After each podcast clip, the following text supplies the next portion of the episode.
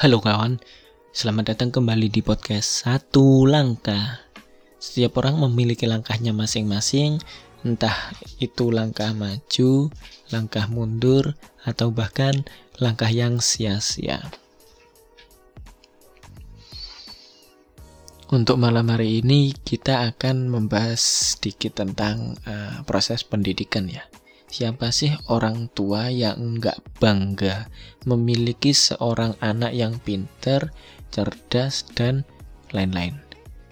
Orang tua pasti akan bangga. Maka dari itu, mereka akan melakukan apa pun supaya memiliki anak yang pinter, cerdas, dan lain-lain.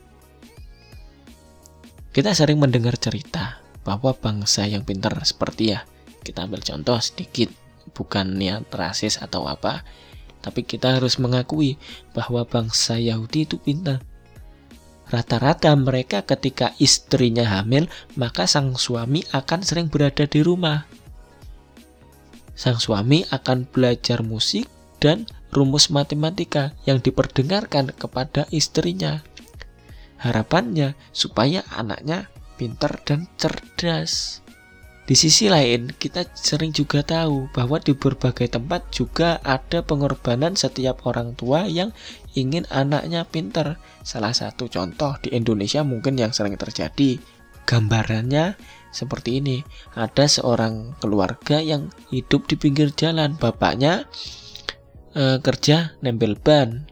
Dia akan melakukan apa pun supaya bisa membeli susu yang bisa mencerdaskan anaknya. Anaknya suruh belajar di kamar bagus. Tapi apakah proses pendidikan seperti itu? Kalau kata Renal Kasali sih, ini namanya pendidikan yang 5 cm. 5 cm maksudnya seperti apa? Ya 5 cm dari atas atau 5 cm dari bawah dulu. Kalau 5 cm dari atas, nah, dari ujung rambut ke 5 cm ke bawah. Berarti ke sampai otak. Rata-rata orang yang cuma mementingkan otaknya saja ya akan berangkat ke sekolah sampai sekolah tangan dilipat mendengarkan guru mencatat sampai rumah. Diingat-ingat lagi ditata yang rapi di dalam otak. Pinter.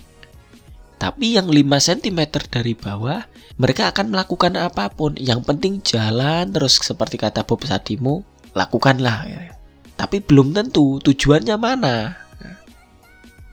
Jadi yang benar 5 cm dari atas atau 5 cm dari bawah. Orang yang 5 cm dari atas rata-rata akan menjadi akademisi yang bisa mikir tapi belum tentu lo bisa ngomong, belum tentu bisa menjadi contoh kepada orang-orang lain. Orang yang pinter 5 cm dari bawah ya cuma berhenti sampai dengkul rata-rata akan melakukan hal-hal yang berat karena belum tentu nggak tahu arah tujuan. Jadi proses belajar apa cukup 5 cm yang sudah saya jelaskan tadi. Kenapa kita nggak ubah dari 5 cm menjadi 2 meter seperti tingginya manusia rata-rata? Jadi proses pendidikan itu bukan cuma di kaki dan di otak saja, tapi semua yang ada dalam tubuh manusia itu harus dididik. Pinter itu bukan cuma bisa berpikir saja loh ya, melainkan juga harus menjalankan apa yang dipikirkan, melakukan hubungan sosial, dan mengambil keputusan. Otak, tangan, kaki, mulut, dan lain-lainnya harus disekolahkan semua supaya bisa padu harus bekerja sama. Maka dari itu, saya tahu kenapa orang Yahudi mengirimkan anaknya tadi itu ke sekolah-sekolah musik dan orang Tionghoa memaksa anaknya menjaga toko ketika pulang sekolah. Sekarang kan yang terjadi di lingkungan kita banyak guru-guru, tenaga pendidik yang ya mohon maaf ini sebagian cuma pinter 5 cm saja. Uh, contohnya seperti ini, orang yang ahli sipil yang pinternya cuma 5 cm saja hanya asik membaca berita ketika tahu bahwa jembatan besar, jembatan Kutai contohnya yang pernah ambruk. Mereka hanya akan asik membaca berita dan komentar yang dikomentari kerjanya orang lain. Tapi orang yang ahli kepintarannya 2 meter nggak pikir panjang. Mereka analisis kalau perlu datangi langsung tempatnya, bikin catatan, karya ilmiah dan simposium. Ini kesalahannya ada di sini. Perlu ada perbaikan ke depannya di bagian ini dibuktikan.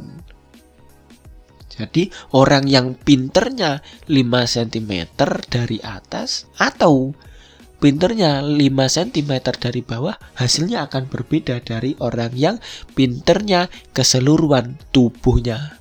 Bisa kita ambil contoh 2 meter tadi.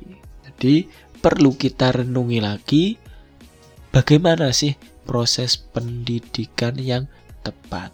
Ini uh, perlu diterapkan di lingkungan paling dekat, yaitu keluarga. Jangan cuma bangga ketika anaknya pinter, tapi nggak bisa apa-apa. Lebih banggalah ketika ya nggak terlalu pinter sih, tapi kolaborasi antara otak, tangan, kaki itu benar-benar kolaborasi.